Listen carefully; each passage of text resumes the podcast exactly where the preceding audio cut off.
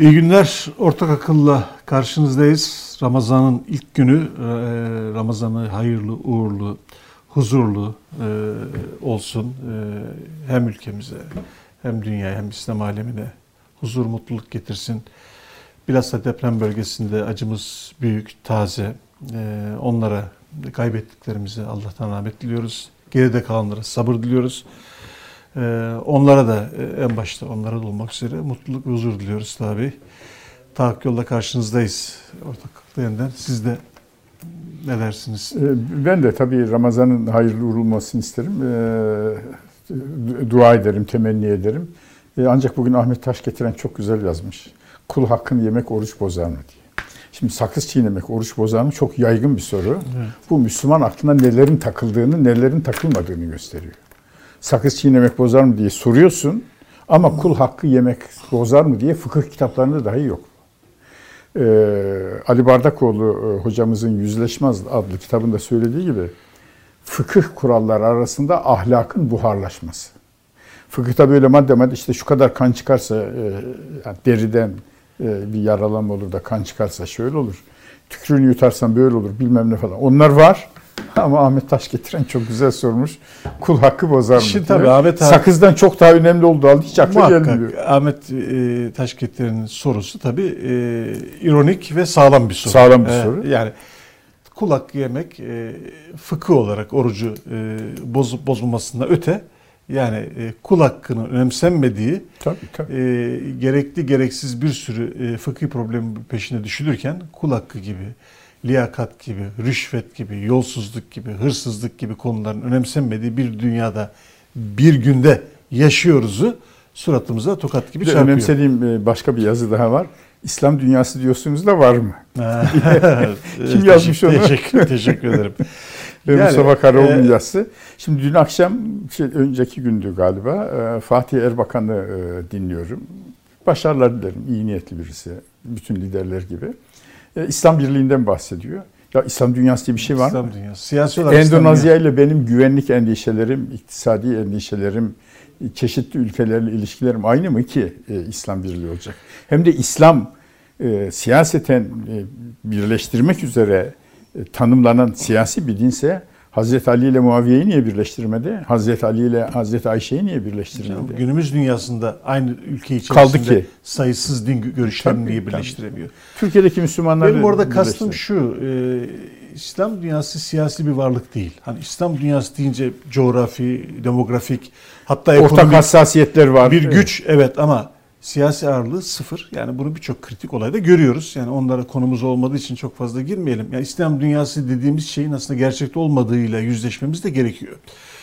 Şimdi e, Türkiye'de gerçekte bir serbest piyasa ekonomisi olma, olmadığı gerçeğiyle Kumanda ekonomisi var. Türkiye'de. yüzleşmemiz gerektiği gibi Merkez Bankası e, faiz açıkla kararını açıkladı. Faiz sabit kaldı. Biz tabiyle konuşurken sevgili seyirciler konuşalım mı konuşmayalım mı? Ne önemi var? Önemi var mı? E, Zaten e, bu gösterge faizi gösterge değerini bile artık taşımaz hale geldi. Piyasada banka mevduat faizleri, tüketici faizleri, kredi faizleri, ticari faizlerin ne olduğunu biliyoruz.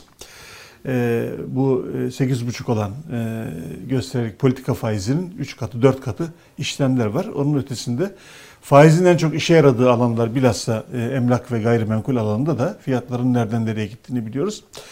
E, Dolayısıyla e, gerçek anlamda bir serbest piyasa ekonomisinden söz edemeyiz. Yani kuralları açısından söz edemez haldeyiz. Teşebbüs hürriyeti var mı? Var. E, Bir takım e, konularda serbest piyasaya benziyor muyuz? Benziyoruz.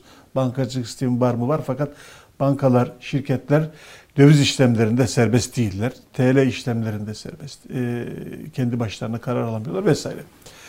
E, Mehmet Şimşek o yüzden galiba bir çare olarak. Kabul etmedi. E, siz o konuyu yazdınız. Yazdım, E, evet. Mehmet Şimşek'i yakından takip ettiniz. Mehmet Şimşek niye çağrıldı? Aslında esas hayret edilmesi gereken bu. Mehmet Şimşek e, Sayın Erdoğan'la beraber çalışabilir miydi ki? Bu mümkün müydü?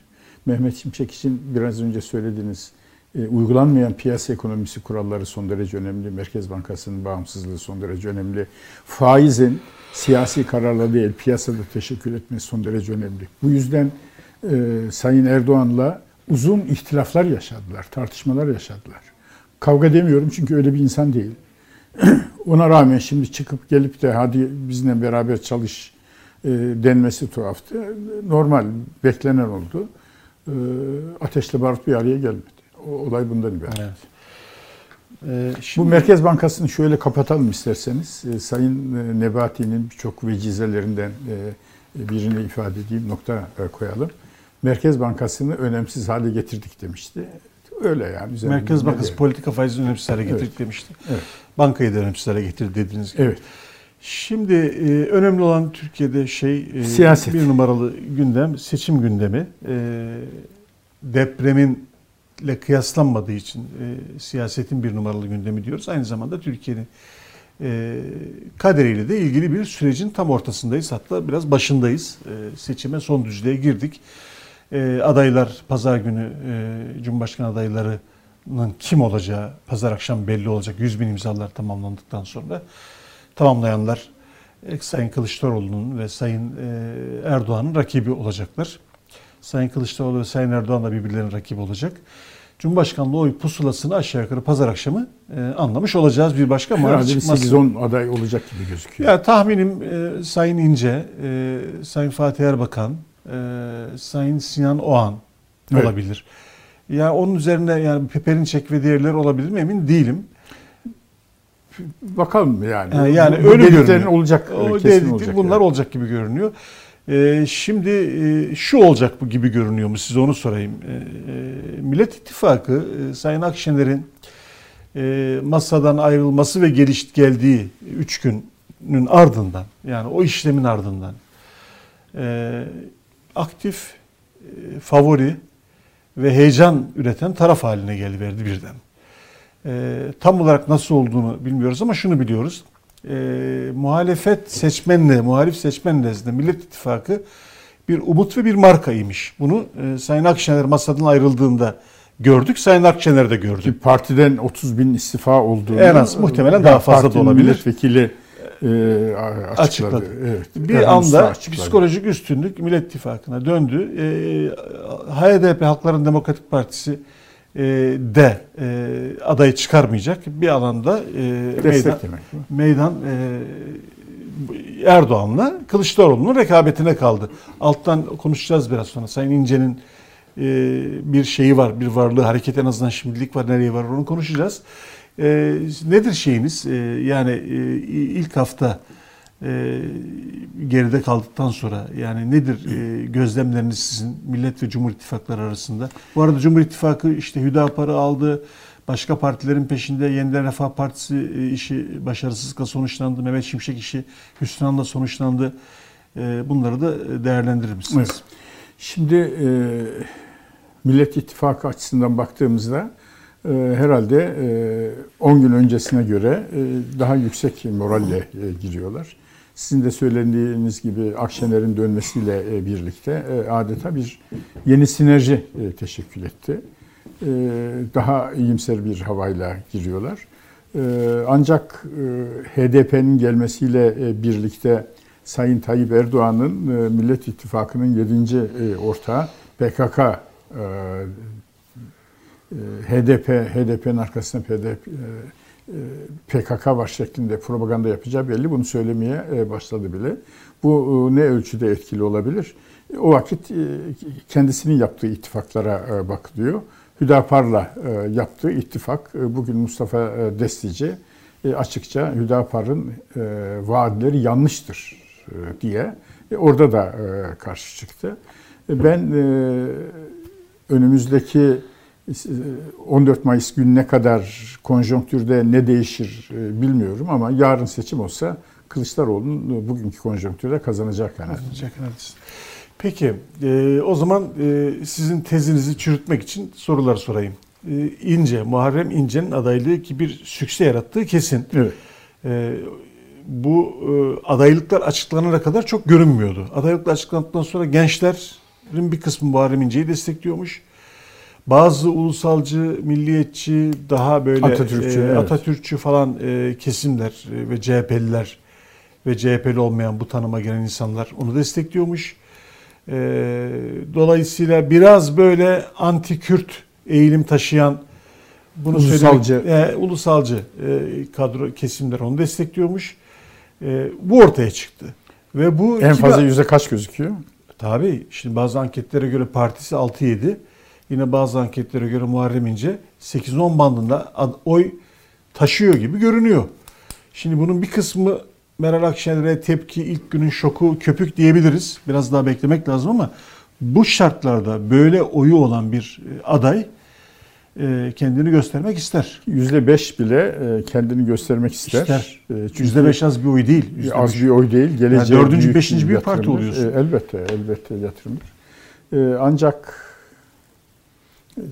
sadece Türkiye gibi seçmenin e, çok ideolojik olduğu toplumlarda değil, gelişmiş toplumlarda da e, kutupların e, toparlayıcı, çekici büyük parti olmanın bir cazibesi var.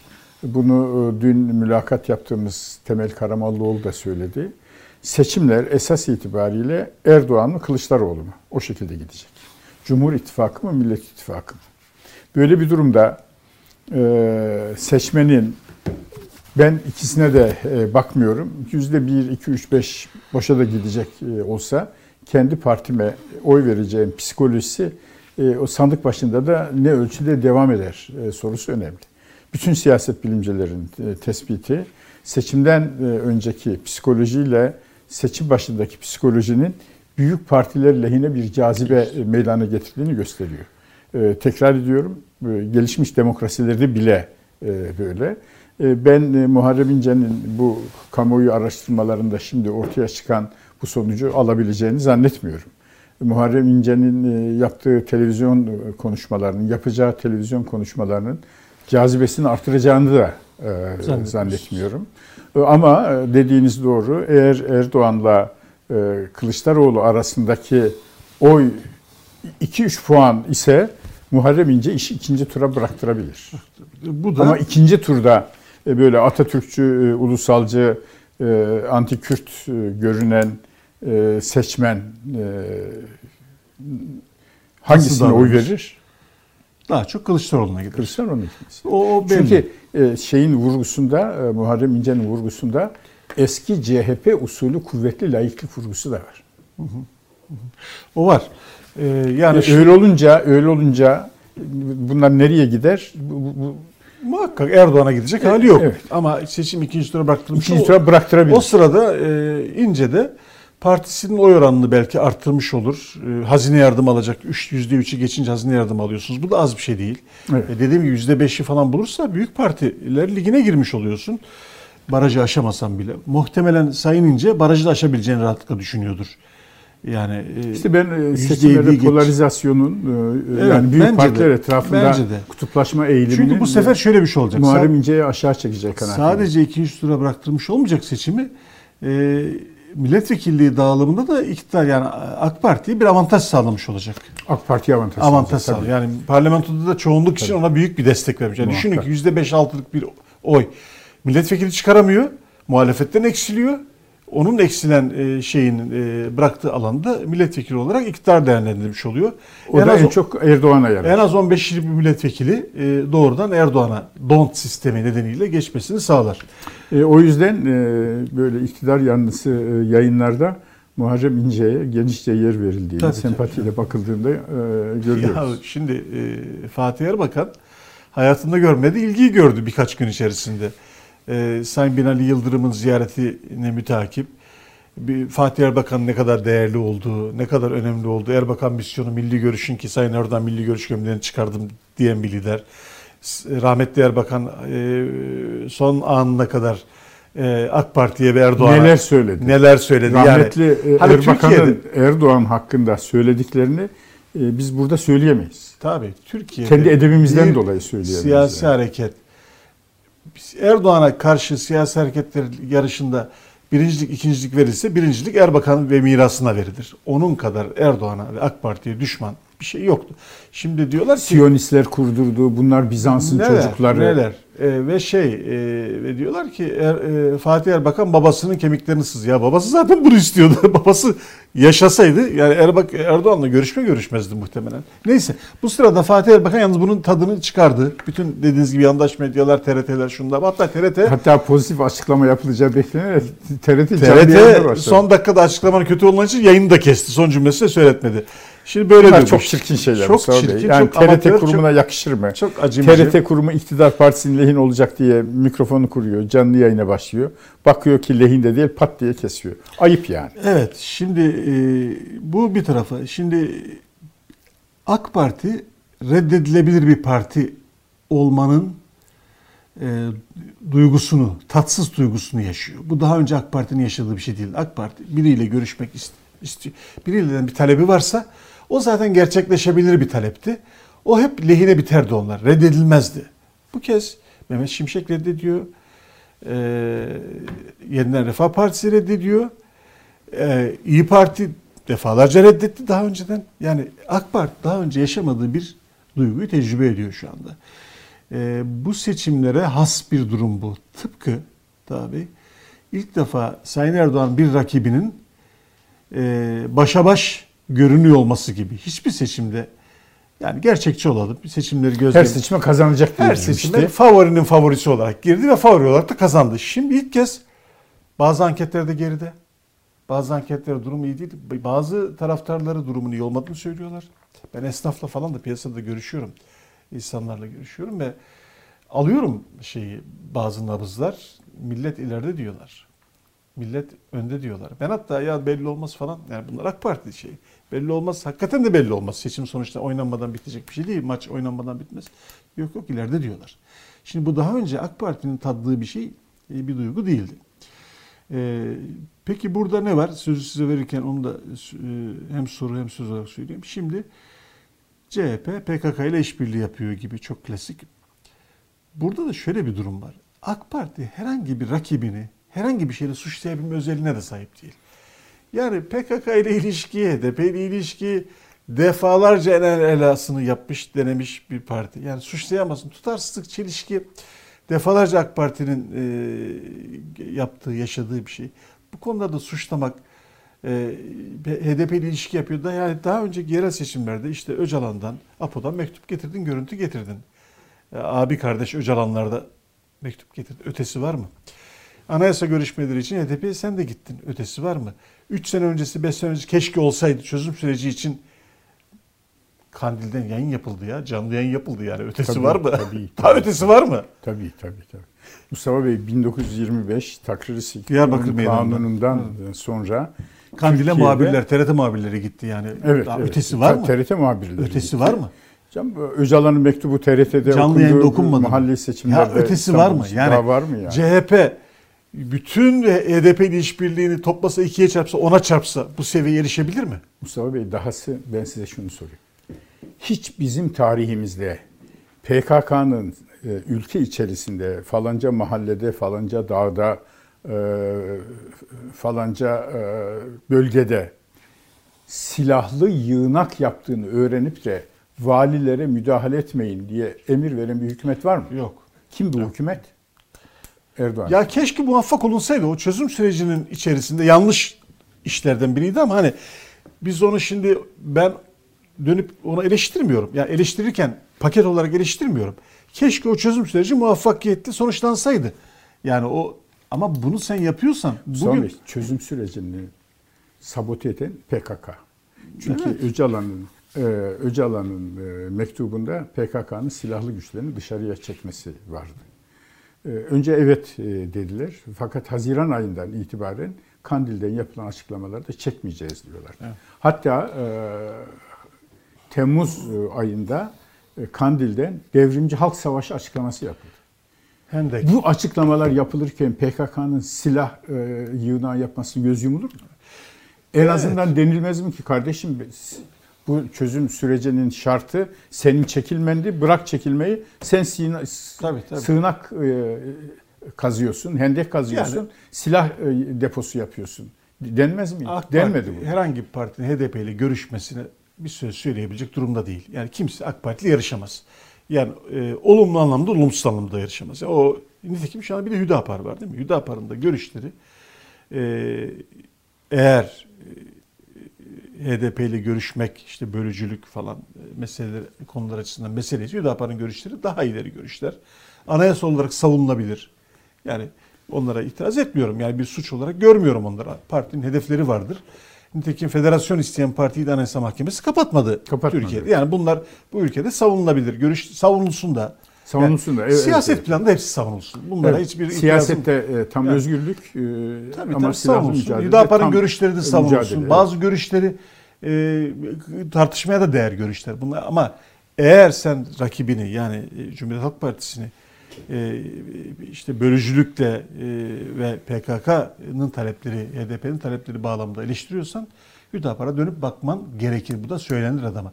O yüzden söylüyorum AK Parti'nin bugün ve geçmişteki uygulamalarına baktığınızda herhangi bir konuda herhangi bir partiyi eleştirmesinin anlamı yok. Yani Çünkü kendisi o kadar o yollardan gitti geçti. geldi ki o, o- Tabii. nerede oy görürse oraya koştu. Hepsi o yollardan geldi geçti. Yani dini sömürmeye kalksa da eleştiremesin bunu yaptı.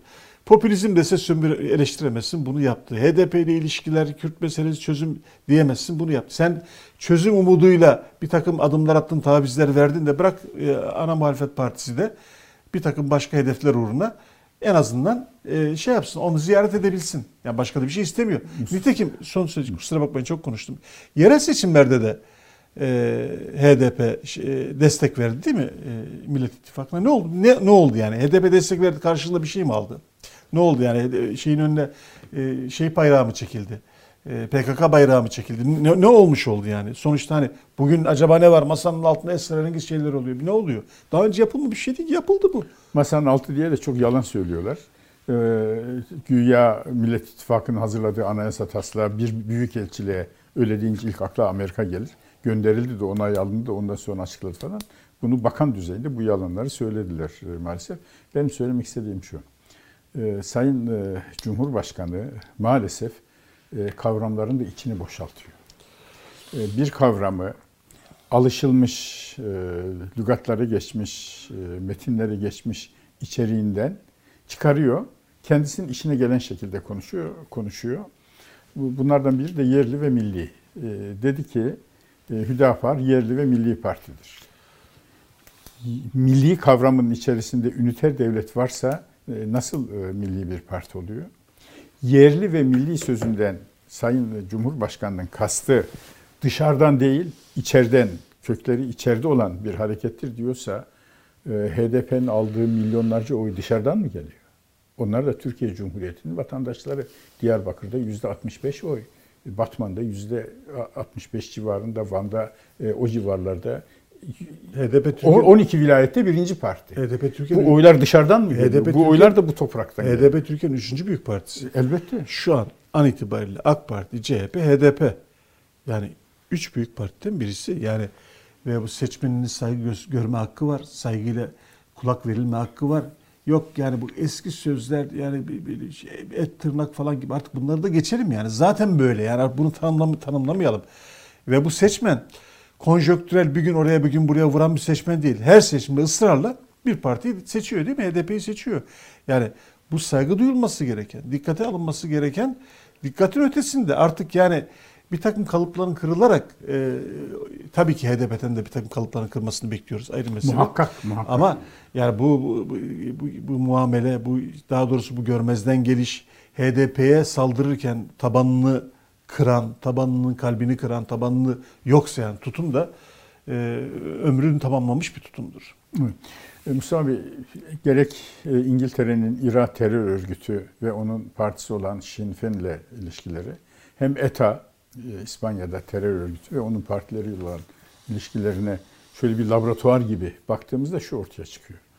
Bu partiler, e, etnik ya da mikro milliyetçiliği savunan bu partiler, terörle e, irtibatlı olduklarında, terörü savunan, terörü tolere eden, e, terörü, terörü kınamayan tavırlar aldığında şiddetli eleştirilere uğruyorlar. Ama bu partiler demokratik sisteme entegre olma, teröre mesafeli durma yönünde davrandıkları zaman da hemen hüsnü kabul görüyorlar. Dolayısıyla bizim HDP'nin aldığı 6 milyon civarındaki oy, nüfusa vurduğumuzda çocuklarıyla beraber, oy hakkı olmayan çocuklarla beraber daha büyük bir kesim ifade eder. Ayrıca ülkemizdeki Kürt hassasiyeti, Kürt kimliğine e, duyulan e, bağlılık hissi e, HDP'ye verilen oylarla ibaret değil. AK Parti'nin içerisindeki e, milletvekillerinde de bu hissiyatın nasıl olduğunu en iyi e, Erdoğan'ın e, kendisi bilir. Madem ki böyle bir mesele var, madem ki takrir sükun denedik, çözemedik. Kürt kelimesini de yasakladık, e, çözülmedi. E, askeri dönemlerde toplu tehcirler yapıldı. E, askeri dönemde özellikle 12 Eylül'de Diyarbakır cezaevi artık dünya literatürüne geçecek bir işkence haline geldi. Ama PKK'yı o işkencelere duyulan tepkiler PKK'yı genişletti. Artık bizim de tarihimize laboratuvar gibi bakarak bu işi nasıl yapacağız? Dünyada e, olduğu gibi yapacağız. E, HDP terör örgütüne yakın durduğu zaman onun demokrasiye karşı totaliter, teröre destek veren bir parti olarak kuvvetle eleştirilmesi ama sisteme entegre olmak, bir Türkiye Partisi gibi hareket etmek istediği zaman da onun bu hareketine karşılık verilmesi, uzattığı ele karşı el uzatarak e, tokalaşılması lazım. Aklın da gereği bu, vatanseverliğin de gereği. Bir nokta daha belirteyim.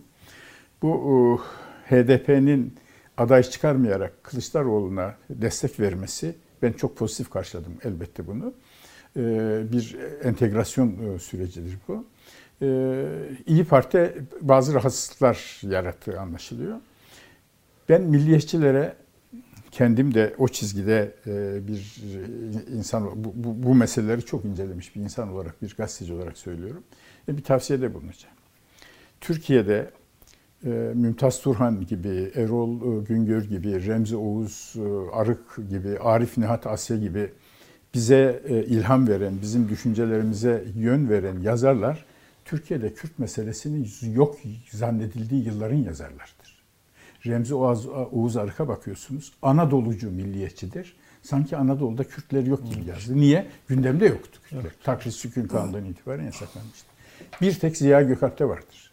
Ziya Gökalp 1922 yılında Ankara'nın e, isteğiyle Kürt aşiretleri hakkında tetkikler diye e, yayınlandığında iki küçük cilt e, oluşturan bir kitap yazdı o zaman bir milliyetçi nasıl, yani Ziya Gökalp'ten daha mı milliyetçi olunacak bu çağda? Hiç olmazsa onu bari okusunlar. Bizim özetle söyleyeceğim, çok önemsediğim için biraz uzattım bu konuyu. Lütfen. Bizim Kürt meselesinde tavrımız aklın gereği gibi olmalı. Terörle, fikirlerini söylemiyorum. Federasyon der, bilmem ne der falan. O nihayet Türkiye'deki genel oylamayla karar verilecek hiçbir tahribat yapmayacak, retorikten öteye gitmeyecek bir olaydır. Akıllarına geleni söylesinler ama teröre e, yakın gözüktüğü zaman totaliter bir hareket olarak, antidemokratik bir hareket olarak şiddetle eleştirmek ama bir konuda sistem içerisinde e, rol almak üzere ellerini uzattıklarında da o bir el uzatıyorsa iki el uzatmak. İngiltere böyle çözdü, e, İspanya böyle çözdü, terörden böyle Biz kurtuldular. nasıl çözüyoruz peki? Daha önce defalarca kapattığımız e, HDP e, öncülü partileri e, örneğini görmezden gelerek şimdi yeniden kapatma Anayasa Mahkemesi'nde kapatma davası yürüyor ve seçim öncesi kapatılabilir. düşünebiliyor musunuz? Demokrasinin düştüğü ve gerilediği durumu düşünebiliyor musunuz? 6 milyon küsür oyu olan parti Türkiye'nin 3. büyük partisi. Daha önce defalarca kapatmışsınız. Hiçbir işe yaramamış. Ee, ve onunla ilgili ana, e, iktidar koalisyon ortaklarından bir tanesi istedi diye kapatma davası açıldı ve kapatılsın bir an önce diyor ikisi yani MHP ile BBP kapatılsın diyor kendi tabanlarına mesaj için ve biz o bir oradayız. Yani dediniz ya tarihe laboratuvar gibi bakacağız. Laboratuvara tekmeyi vurmuşuz, kapıyı kapatmışız, üzerine geçmişiz evet. yani ne laboratuvarı? Zihnimizin içindeki şablonlarla konuşunca realiteyi görüp onun icabına göre davranmak mümkün olmuyor. Şunu belirtmek istiyorum. Askerler %10 barajını niye koydular? Bunu koymalarının tek sebebi e, bölücü partiler, e, Kürtçü partiler nasıl telaffuz edersek parlamentoya giremesinler diye. E, Adalet ve Kalkınma Partisi 2002 seçimlerinde yüzde 37 oyla iktidarı geldiği zaman yelpaze çok parçalandığı için yüzde 37 oy çok sayıda milletvekili çıkardı. Ee, %34, o hareket 34 buçuk. 34 doğru doğru yüzde 34 35 civarında. Doğru Yol Partisi %9.5 ile ANAP 8'lerde falan. ANAP 8 civarında parlamento MHP yine öyle. Yani askerlerin %10 barajı merkez sağı vurdu. Vurdu. Merkez sağın vurulması da işte bugünkü durumu e, ortaya çıkardı. Şunu söyleyeceğim. Ee, 2002 seçimlerinde %35 oyla e, Adalet ve Kalkınma Partisi iktidara geldiği zaman bugün HDP dediğimiz hareketin oyları %4'tü. Ne zaman %10'un üzerine çıktılar? AK Parti zamanında. İnsan bunu bir düşünmez mi? Niye böyle oldu diye. Bir takım, bir takım yanlışların sonucu aynı zamanda. Elbette. Verilip tutulmayan sözler, sonuna kadar gidemeyen politikalar, bir uçtan bir uça giden politikalar. Vaat ediyorsunuz. Bir uçtan bir O uca giden politikalar. Uzak bir hayal gibi görülürken e, Kürt vatandaşın zihninde demek ki olabilir. Bak başbakan söylüyor diyor. Tabii tabii. Başbakan çıkıyor Kürdistan diye. Sonra da. Yallah Kürdistan'a Ondan sonra da gelmeler. Yallah Kürdistan Ee, diyor. E, du- u- u- uyandıracağı Celal Bayar'ın 1934'te Atatürk'e verdiği raporda çok önemli bir kavram var. Aksülamel. Diyor ki burada bazı vatandaşlarımız Kürt oldukları için e, dışlanıyorlar. Dışlanma kelimesi sonradan ortaya çıkmış bir şey. Tam e, ezbere bilmediğim için. E, yahut hüsnü muamele, iyi muamele görmüyorlar. Korkarım bu ileride büyük aksülamel tepki doğurur diyor korkusun. yaptığımız bir hareketin, ağzımızdan çıkan bir sözün karşımızdaki Kürt vatandaşın duygularını nasıl etkileyeceğini düşünmek vatanseverliğin birinci şartı. Evet, e, buna mümasil bir konuyla devam edelim. Millet İttifakı'nda ne oluyor sorusunun altında İyi Parti yine favori. İyi Parti'de de Yavuz Ağıralioğlu dün bir açıklama yaptı. E, ve e, özetle şunu demiş oldu. HDP'yi işini bahane göstererek buna müsaade edemem, etmemeliyiz de ben edemem. Aday da değilim. Adaylık başvurusu da milletvekili adayı başvurusu yapmadım diye niye böyle bir açıklama yaptığını çok yani hassasiyetine hassa- saygım var. Yani Yavuz Ağralioğlu çok iyi konuşan, konuşunca kendini dinleten Öyle. iyi, iyi bir politikacı yani. Muhakkak, E, fakat içerik olarak e, e, sorunları çözmek değil, sorunlara sövmek alışkanlığımız var değil mi? Biraz kendisi de öyle yaptı. Yani oraya buraya e, lafını söyledi ama ne, ne o zaman ne yapmak lazım sorusu. Kılıçdaroğlu'nun adaylığına da karşıyım dedi, dayatma dedi.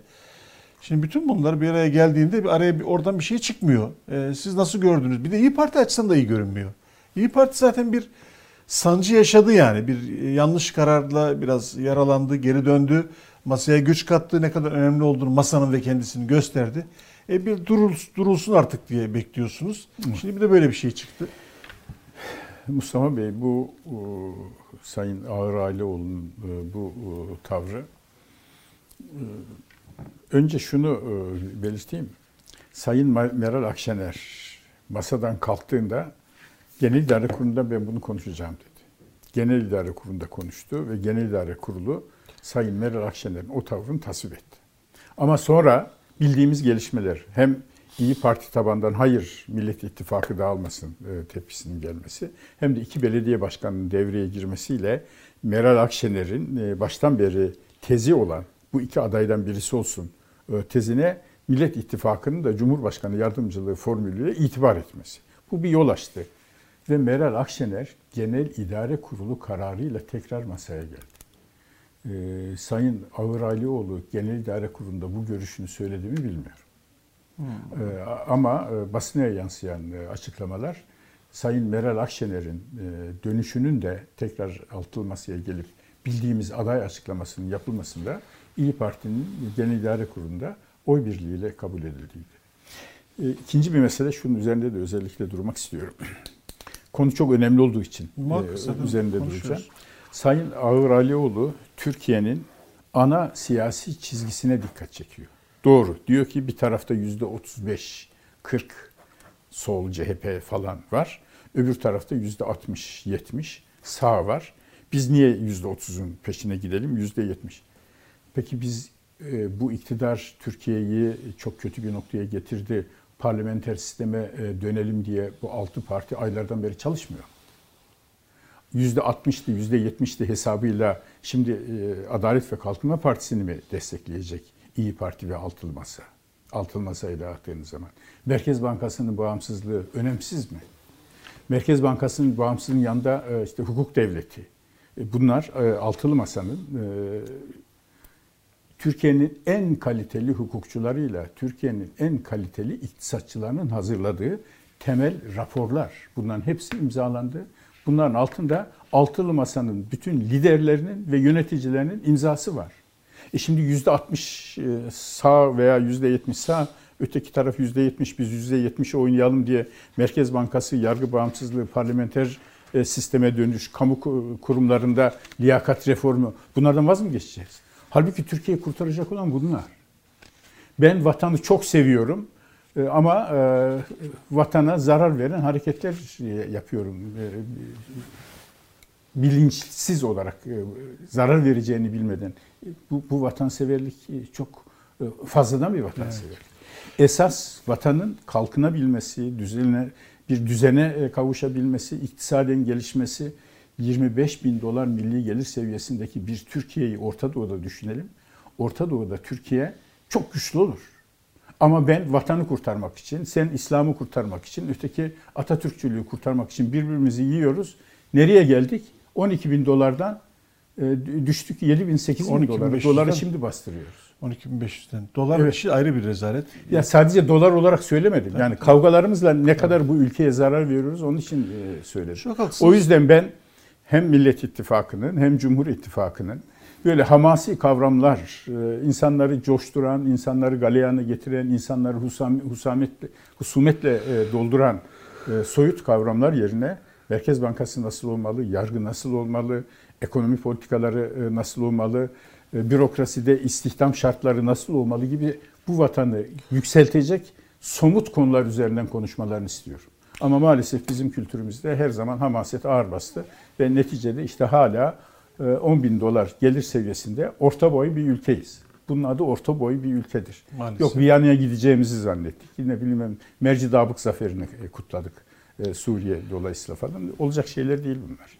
E, maalesef öyle. E, ve e, Yavuz e, Ağralioğlu'nun sözlerinde yine bir öneri yok. Yani o da dikkatimi çekiyor. Mesela en azından Meral Akşener Kılıçdaroğlu olmasın, Ekrem İmamoğlu olsun, Mansur Yavaş olsun. Hani çok anlamlı değildi ama öneriydi. Bu burada bu sefer de bu yok. İlginç geliyor yani bana. Anlamlıydı da Kılıçdaroğlu partinin genel başkanı olarak bu ikisi olmaz dedikten sonra evet, işlevsel değildi. Değildi. Ee, ilginç yani bu İyi Parti'nin kendi kendine zarar verme şeyi, e, cömertliği de bana çok e, cali bir dikkat geliyor. Yani bunu yapmaktan çekinmiyorlar. Hayırlısı belki politikadır bu. Ee, Valla o zaman hiç Millet İttifakı diye yola çıkmamak lazım. Yüzde 60 e, sağcılar yüzde he, var idiyse ise bakış açımız bu olacak. Koy bir sağcıyı. Çıkmayın canım. Erdoğan yüzde 60 alamıyor. En iyi zamanda alamıyor. Tabii alamıyor. Yani madem yüzde 60 sağcılar alamıyor. Şimdi e, seçimde e, aslında e, hep şöyle düşünürüz ve bir, bir ölçüde doğrudur da bu. Seçmenin oyunu bellidir. Yani dünya yıkılsa oy değiştirmeyecek bir kitle var seçimlere doğru oyu kesinleşen bir kitle var ve nihayet şu anda olduğumuz gibi seçimlere bir iki ay kala da seçmenin yüzde onu biraz kararsızdır. Aslında gideceği yerde bellidir Öyle. ama biraz kararsız. Onun kafasını, aklını çelebilirsiniz. Ee, şu anda yukarı durum bu. Yani gördüğümüz doğru, kadarıyla, doğru. anketlerde, aylardır gördüğümüz kadarıyla. Geçen yılın ikinci altı ayında AK Parti yükseldi biraz. Erdoğan kötü gidişi durdurdu. En kötüyü atlattı.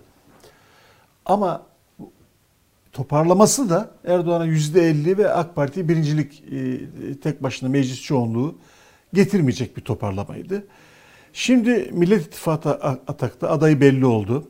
Aday belli olduktan sonra adaya ilgi artmaya başladı Sayın Kılıçdaroğlu'na.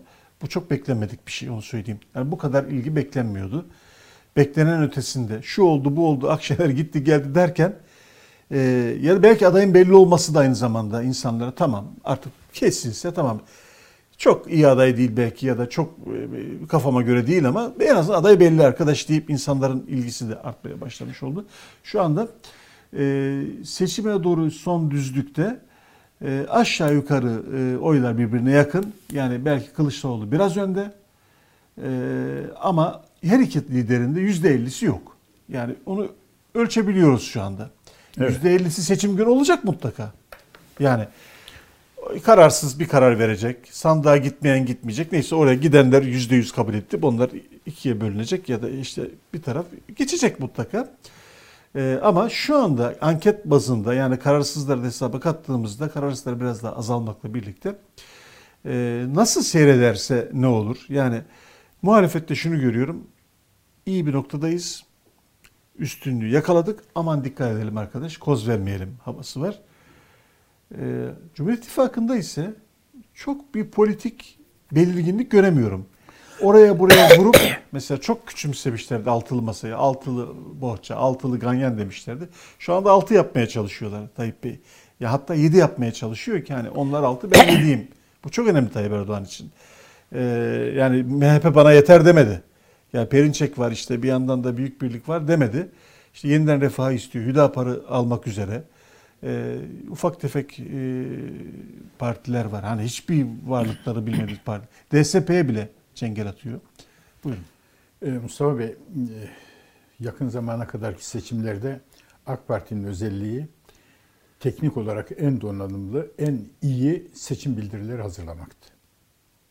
Ee, Hakikaten çok iyi elemanların hazırladığı seçim bildirileri. Bu seçim bildirilerindeki, başarılı seçim bildirilerindeki temel havada reformların yapılmasıydı. Başta Avrupa Birliği olmak üzere. Bunlar AK Parti'nin başarılı olduğu ilk 10 yıldaki göstergeler. Bugün AK Parti, Sayın Cumhurbaşkanı Erdoğan kendi seçim bildirisini hazırladığında ne diyecek? Bu Reuters e, haberlerine yansımış olan bir problem. Eğer Mehmet Şimşek gelseydi reformlara döndük denecekmiş. Mehmet Şimşek gelmiş olsaymış işte Merkez Bankası'nın bağımsızlığından tutun da piyasa ekonomisinin e, genel kuralları denilecekmiş. Şimdi Sayın Erdoğan yeni seçim bildirisinde ekonomiyle ilgili konuşurken böyle reform dili kullanacaksa, Merkez Bankası'nın bağımsız olacağını ifade edecekse, e, yargı bağımsızlığı konusunda şunları şunları yapacağız diyecekse o vakit insanlar demez mi ki ya o, o zaman şimdiye kadar uyguladığın yanlışmış bu işler başımıza ondan geldi demezler mi? Sen kendi politikana inanmıyor musun bir de var? Yani Uygulamışsın ki inanmıyor musun? Ve, ve dünya beni örnek alıyor. Süper. Bunları diyor. demese e, ne yapacaksın kardeşim? Bu sonunda cevabı yok. Bu AK Parti'nin, iktidar partisinin, Cumhur İttifakı'nın en önemli çıkmazıdır. Seçim bildirisinde reform diyecek mi? O vakit şimdiye kadar niye yapmadın? Şimdiye kadar niye ters yönde gittin? Demek ki başımıza sen getirdin. Mesela seçim bildirisinde faiz sebeptir diyecek mi demeyecek. Seçim bildirisinde piyasa ekonomisi, Merkez Bankası'nın bağımsızlığı, liyakat, Avrupa Birliği ile ilişkilerin iyileştirilmesi, sermaye hareketlerinin e, serbest bırakılması gibi reformist muhteva olacak mı? O vakit denecek ki 10 yıldır sen yanlış yapmışsın. Bak kardeşim şimdi dönmek zorunda kalıyorsun. Bunu muhalefet de anlatacak. E, Az çok ekonomiyi takip eden milyonlarca vatandaş da bunu görecek. Yok da öyle demeyip de reise güvenin derse e, o vakit hiçbir şey söylememiş olacak. Ben o yüzden büyük merakla bekliyorum. Şimdi seçim bildirisini aslında biraz açıkladılar gibi Türkiye yüzyılı. Yani böyle biraz daha böyle ileriye vadeli büyük hedefler. Şunu yapacağız vaatleri var. Ha, Politikalar yok. e, o yüzyılı. yani ben seçim bildirisinde detayda çok ummuyorum. Çok beklemiyorum. Çok da gerekmiyor. şey için söyledim yani Reuters'ın e, Reuters'a iktidarın üst çevrelerinden söylenen seçim bildirisi hazırlığı yapılıyor. Ona işte Muhakkak. reformist Mehmet Şimşek falan e, Muhakkak. girecek. girecek dedi. O söyledim. olmadı. Yani şimdi Sayın Erdoğan'a bunu yani Mehmet Şimşek'ten çok övgüyle, sitayişle e, bahsediyor. Onu onun kalbini kazanmak için e, girişimlerde bulundu. Erdoğan Sayın Mehmet Şimşek'e çok kötü davrandığı zamanlar oldu. Toplumun Muhakkak. önünde itham etti. Tabii. Hak etmediği, Şimşek'in hak etmediği birçok şeyi doğrudan da söyledi. Hakkında haberler de yapılmasına, saldırılmasına da müsaade etti. Şimdi böyle bir adama tabii. Böyle bir adama ricacı Erdoğan ve düşün dün akşam televizyon yayında izledim. Hala giderse gitsin ne olursun demiyor. Hala umudu var. Hala onu kaybı kazanmaya çalışıyor. Mehmet Şimşek dediğiniz sizin de söylediğiniz gibi Erdoğan ne diyor ve ne yapıyorsa onun tam zıttı olan kişi.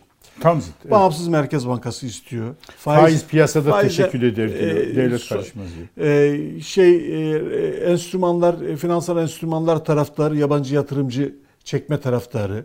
Ondan sonra e, sermaye kontrolüne benzer işlere karşı. E, şu anda iktidarın KKM vesaire gibi yaptığı bütün işlerin tamamına Karşı. tamamına karşı. Yani şu anda hükümet neyse tam zıttı. Mutlak muhalefeti Mehmet Şimşek. Yani hükümetin ekonomi politikalarının Sonra ben size sorayım. Hükümet tam zıddı rasyonel prensipleri savunan Mehmet Şimşek'i niye çağırır? politikaları için çağırmıyor. Göster, görüntü vermek için Ha, çağırıyor. Ben yalnız olunca da- değilim. Bak Mehmet Şimşek sizin değerleriniz Mehmet Şimşek de benim yanımda diyebilmek için çağırıyor. Her şeyi görüntüye bağlayınca Yani da düşün, işin yani aslı Mehmet, değişmiş olmuyor. Mehmet Şimşek olmadık hakaretleri yapacaksın. Olmadık aşağıladı, yapacaksın. Bütün aşağıladı. yaptığı ekonomide yaptığı her şeyi yerle bir edeceksin. Yani eserini yani Ali Babacan'ın tabii rolü çok daha büyük ama Mehmet'in de Şimşek'in de rolü çok büyük. Bütün bunlar yerli mi diyeceksin şimdi hiçbir şey olmamış gibi gel Mehmet ya böyle bir şey böyle bir dünya yok. Ama daha olmayan Mehmet dünya, de gelmedi. daha da olmayan dünya şu tabii. Evvelden AK Parti bu durumlara düşmezdi. E, az önce programın girişinde de söyledim yani. Bir adamı çağırmışsa artık o gelecektir. Çağırım, e, gelme ihtimali olmayan adamla kamuoyu önünde görüşmeler yapmazdı. Şimdi düşünün yani nasıl gerçekten kopuş ki bu. Mehmet Çimşek'i çağırıyorsun, dışarıya kürsü koyuyorsun. Adamın gelmeyeceğini biz tahmin edebiliyoruz dışarıdan. Mehmet Şimşek'le aylardır görüşmüyorum. Kendi aramızda konuşmuştuk. Yani gelmez gelmez. Yani bunu gelmez çünkü 2 2 4 4 4 8 neyse matematiği var bunun. Gelmez yani. E, muhtemelen Sayın Erdoğan'a şunu demişlerdir. Ya sen çağır seni kıramaz. Sana hayır diyemez. Sana hayır deme şansın var ya. Koy kürsüyü de koy. Koy kürsüyü koy. Ya böyle değil dünya. Yani Erba, e, Sayın Erdoğan'ın gerçeklikten ne kadar koptuğu, rasyonel politikadan ne kadar koptuğunu farkında olmadığını gösteren bir şey Bey, bu. Mehmet Şimşek'le ilişkilerdeki bu anlattığınız tablo dış politikada da böyle. Onun için Muhte- çıkmazdı. Evet. Evet şimdi Ey asıl- diye bağırdın. Ağırlığının çok büyük asıl- olduğunu zannettim. Şimdi hatırlarsanız Ses gelmedi. bu programda defalarca konuştuk. Ekonomiden daha kötü ne var? Diplomasi. Diplomasi daha Yani şimdi ekonomiden Türkiye hani diplomasi, hukuk, yargı falan filan ekonomi en kötüsü, en berbat durumda. Daha kötüsü hangisi? İnsanlar ya daha kötüsü ne olabilir? Hangi sektörde daha kötü olabiliriz? Tam tersi herkesin iyi olduğunu zannettiğimiz sektörde en kötü durumdayız. dış politika. Dış politikada. Zaten dış politikası iyi olan bir ülkenin ekonomisi böyle olma şansı Olmaz, var evet. Yani buradan sağlamasını yapacağız. Tabii, Daha kötüyüz. Hızlı sayayım da Ta- Taha Bey'e son sözü vereceğim yine. Ee, Mavi Vatan e, işi tam bir fiyaskoyla, zaten fiyasko olacağını yine aklı başında herkes görüyordu. Fiyaskoyla bitti. Libya'daki e, e, şeyimiz, girişimlerimiz başarısız. Suriye, Mısır, Suudi Arabistan, Birleşik Arap Emirlikleri'ni söylememe gerek var mı? Yani orada nasıl bir U dönüşü yaptık ve şu anda sırada görüşmeye kabulü bekliyoruz. Daha utanç verici. Ya politikalar değişebilir buna lafım yok ama zamanında en ağır hakaretler, en ağır laflarla saldırıp iç politika malzemesi yaptığınızda dış politikayı bugün geri dönüşünüzün de, de, de eleştirilme ve e, U dönüşü e, damgası yemeye göze alacaksınız. Evet. Dış politika ekonomiden daha kötü. Kesinlikle daha kötü. Ekonomimiz kötü ama dünyada lafımız dinleniyor diye e, iyimser olarak bakmaya çalışanların hayalleri kırılmasın. E, bu bir Kırılsın kırılsın da gerçeği görsünler. gerçeği görsünler. Bu bir e, muhalif pozisyon da değil. Ekonomimiz kötü. Bu tartışma götürmez. Dış politikamız daha kötü. Son söz sizde. Mustafa Bey bizi şu anda e, dinleyenler veya önümüzdeki günlerde e, bu programı e, YouTube'dan e, izleyecek olanlar içerisinde e, iyi Partili dostlarımız herhalde vardır e, tahmin ediyorum. Var var izliyorlar. E, Yani. Onlara bir e, ricada e, bulunacağım. SETA onların çok güvendikleri bir araştırma kuruluşu. Öyle değil mi? İyi Parti mi AK Parti mi? AK Parti. AK Parti, evet, Pardon, İyi AK Parti mi dedim? SETA'ya AK Parti SETA, evet. güvenmez. Evet. Eski SETA'ya AK Parti. güvenirdik ya. Yeni, Evet, set, evet. yeni SETA'ya güvenmezler. Ee, Burhanettin e, Duran. Doğan, Duran. Duran. Duran, Burhanettin Duran, SETA koordinatörü. Se- SETA e, koordinatörü ve aynı zamanda Sabah gazetesinin e, yazarı. E, Benim çok farklı yerlerde dursak da değer verdiğim bir akademisyen. Evet. Hiç olmazsa biraz böyle akademik disipline dikkat ederek Evet. yazıyor. Bir kaygısı var. Onun Türkiye Dış Politikası 2020 diye bir yayını var. İzleyicilerimiz internetten girip bunu e, bulabilirler. Orada e, Burhanettin Duran, e, Profesör Burhanettin Duran diyor ki, Cumhurbaşkanı Erdoğan'ın Orta Doğu'da izlediği proaktif politika Arapları Türkiye'yi sınırlandırma politikasına itti. Türkiye'yi nasıl sınırlandırdılar? İlişkilerini kestiler. Türkiye nasıl sınırlandılar? Mallarına boykot koydular. Türkiye'yi nasıl sınırlandırdılar? Sınırlandırdılar. E, Doğu Akdeniz Enerji Ajansı'na almadılar. Türkiye'yi nasıl sınırlandırdılar? Yunanistan'ın askeri tatbikatlarına katıldılar.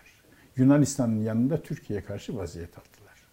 O vakit Erdoğan Suriye'de, "Ey, Suriye'de yalnız bıraktılar. Suriye'de yalnız bıraktı. Suriye'de yalnız bıraktı. Ee, Arap Birliği'nin e, Türkiye Suriye'den çıksın işgalci diye kıyamet kadar e, açıklamaları var. Bu başarılı bir politika. Ama e, e, ey Araplar topunuz bir Türkiye etmesiniz dediğinde Dedikten sonra şu bütün kalabalıkları bak görüyor musun Ridaniye zaferi, Mecid Abuk zaferi e, diye coşuyorlardı. Netice Sayın Burhanettin Duran'ın e, söylediği netice yalnız kalmak. Ama şimdi ne yapıyoruz? 5 milyar dolar mevduat para veriyor değil. Mevduat getiriyor. Senin bankana e, yatırıyor Merkez Bankası'na. Alabilmek için Kaşıkçı dosyasını vermişiz. Çıktı ortaya.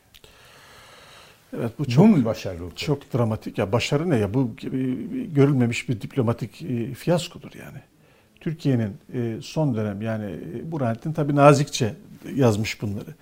Bütünüyle Türkiye'nin dış politikası fiyasko. Muhakkak görüyordur ama Yani Türkiye deprem olmuş tamam. Yani New York'ta 20 15 20 başkentte araba dolaştırıyoruz yıkıldık bize para verin diye ya. Böyle mi yani uluslararası dayanışma donörler böyle mi harekete geçirilir Allah aşkına? Üç gün önce Türk başkanları zirvesi oldu tabi. Laf laf laf laf dağılıp gittiler. Avrupa Birliği Haçlı Seferi en nefret ettiğimiz bizi bölmeye çalışan Avrupa Birliği 6 milyar euro bir batında yardım açıkladı ve sözünü tutacak adamlar değil mi? Daha önce Re- resmi taahhütler bunlar. Evet, tabii, tabii, tabii. Ama ama parayı bizim cebimize vermeyecekler ne Vermeyecek. yazık ki. Projelere Kendi- verecek. Projelere verecekler. Kendi Şu kadar konteyner, şu kadar inşaat, konut, şu inşaat kadar projelerine hastane. verecekler. Niye cebimize vermiyorlar? Bunun da dış politikada onurlu, haysiyetliyiz diye e, inananların düşünmesinde fayda var. Ee, evet. Bu biraz şeye benziyor. Yani IMF ucuz kredi veriyor e, ama e, bu parayı nereye harcadığını ben göreceğim diyor. O başka bir şey. Burada doğrudan Burada da nereye harcayacaksın göreceğim. Ha, burada kendi şeyle bakın niye onu da örnek vereyim. Adıyaman'a gittik biz deprem münasebetiyle. Adıyaman Belediyesi yıkılmış. Adıyaman Belediyesi'nin bahçesinde Komagene Kültür Merkezi var. Avrupa Birliği fonlarıyla yapılmış cam bina meşhur haberlere çıktı. Evet. Tek bir cam bile kırılmamış. Çünkü Avrupa Birliği bunu yaparken önce ihale etmiş, sonra ihaleyi takip etmiş. Kendi, Zemin etüdünü Kendi yaptırmış. güvendiği e, bir mimara e, proje yaptırmış. O mimara da orayı e, müteahhitliğini de vermiş. Sonuna kadar yapmış. Bakın belediyenin bahçesinde aynı zeminde belediye yıkıldı. Orası Avrupa. Birliği'nin yaptırdığı cam bina Yıkılmadı bir cam bile kırılmadı. Cam bina üstelik beton değil cam bile kırılmadı ve e, şehir elektriği kesilince otomatik jeneratör devreye girdiğinde o jeneratör sayesinde yardım ekipleri oradaki e, aydınlanmadan yararlanarak operasyon yaptılar. Yani niye Avrupa Birliği sana parayı Ha. versin? Haçlı Kendi- İttifakı deyince coşuyoruz Haçlı ama İttifakı. e, işte e, Haçlı İttifakı diye Avrupa'ya e, nefret duyunca bu dediğiniz E, gerçekleri Türk dünyası, göremiyoruz. Türk dünyası işte Kazakistan, Mazakistan e, bir sürü artistik laf konuşup dağıldılar. Beş, yani bir dayanışma şeyi de yok ki. e, Kabiliyeti de yok. Yani uluslararası donörlük nasıl yapılır? Bu gibi durumlar nasıl davranılır? Dayanışma, işbirliği nasıl yapılır? Bu yok yani bu taraflarda yok. Avrupa'da var yani abi. Bunu yap, bunu biliyorlar. Adam gibi de yapıyorlar. Sözlerinde de duruyorlar. Ee, bu da başka bir örnek gider ayak. Evet. Evet. Ee, sona geldik. Anketler ne söylüyor? Anketler e, iki cümle söyleyeceğim. Henüz bizim güvendiğimiz anketler sahadan yeni döndüler. Bir iki güne söylediklerini anlarız. Geçen Hatem Ete burada söyledi aslında. Biraz Evet. ipuçlarını verdi. Panorama Türkiye'nin anketine güveniyoruz. Konda'ya Güveniyoruz. bakıyoruz, güveniyoruz. Ee, başka bir iki herkes kendi meşrebine göre bir iki anket gibi. Biz bu iki anket şirketini e, referans alıyoruz. Orada İbre'nin muhalefetten yana döndüğünü Panorama Türkiye'de biliyoruz. Konda'nınkinin de Sızar abonesi değiliz ama Sızar öğreniriz. Yine de e, çantada keklik değil. Herkes bunu bilsin. Muhakkak iki tarafın Hata ilgisi yok. yapmaktan e, e, sakınsın. Türkiye ya buraya nasıl geldiyse bundan sonra öyle devam edecek veya Türkiye kulvar değiştirecek. E, ne istiyorsak e, ona göre e, oy verelim. Ben de son söylediğim Son sözüm, sözüm bu. bu. evet. Ee, tekrar Ramazan mübarek olsun diyerek e, sevgili seyirciler haftaya yeniden karşınızda olmak umuduyla iyi günler, iyi haftalar diliyoruz. Ben de Ramazanınız mübarek olsun diyorum. Önümüzdeki hafta e, bu saatlerde görüşelim tekrar.